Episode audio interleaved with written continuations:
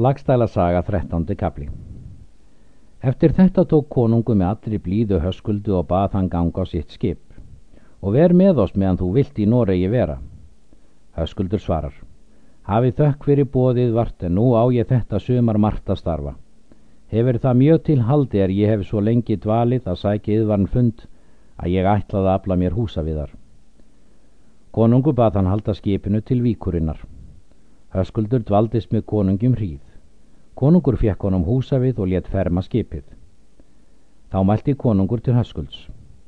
Egi skalt velja því hér með oss lengur en þér líkar, en þó þykir oss vandfengið manns í stað þinn.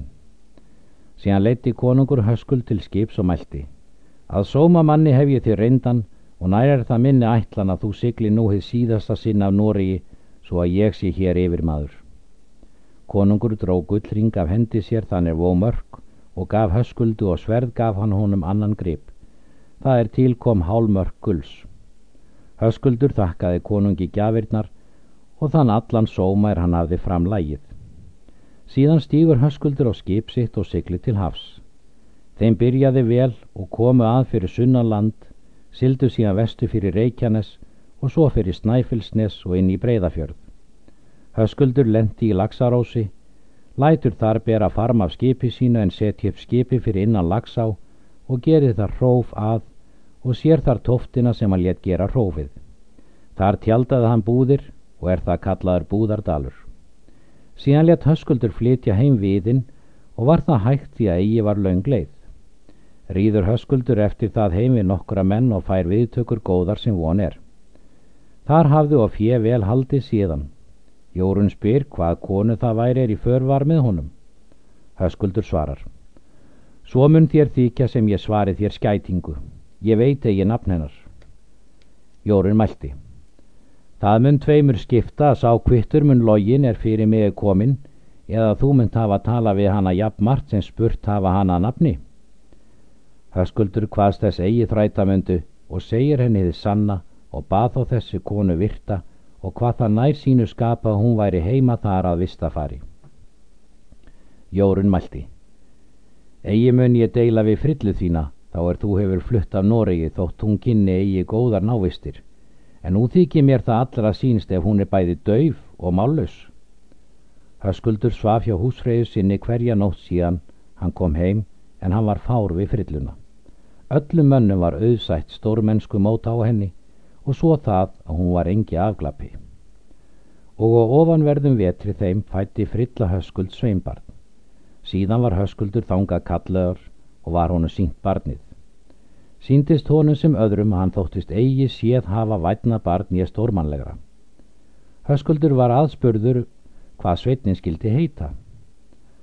Hann bað sveinin kalla Ólaf, því að þá hafði Ólafur feilan andast litlu áður, móðurbróður hans. Ólafur var aðbrað flestra barna. Höskuldur lagði ást mikla við sveinin. Um sumarið eftir mælti Jórun að frillan myndi upptaka verknað nokkur eða fari í brottella. Höskuldur bað hann að vinna þeim hjónum og gæta þar við sveinsins. En þá er sveitni var tvæ vetur, þá var hann almæltur og rann eitt saman sem fjóra vetra gömul börn. Það var til tíðinda eitt morgunur höskuldu var gengin út að sjá um bæsin. Veður var gott skein sól og var lít á loft komin. Hann heyrði mannamál. Hann gekk þanga til sem lækur fjall fyrir túnbrekkunni. Sá hann þar tvo menn og kendi. Var þar Ólafur són hans og móður hans. Fær hann þá skilið að hún var eigi mállaus því hún talaði þá margt í sveinin. Síðan gekk höskuldur af þeim og spyr hann að nafni og hvað henn ekki myndi stóða að diljast lengur. Hún hvað svo að vera skildu setjast þau niður á túnbrekkuna. Síðan mælti hún.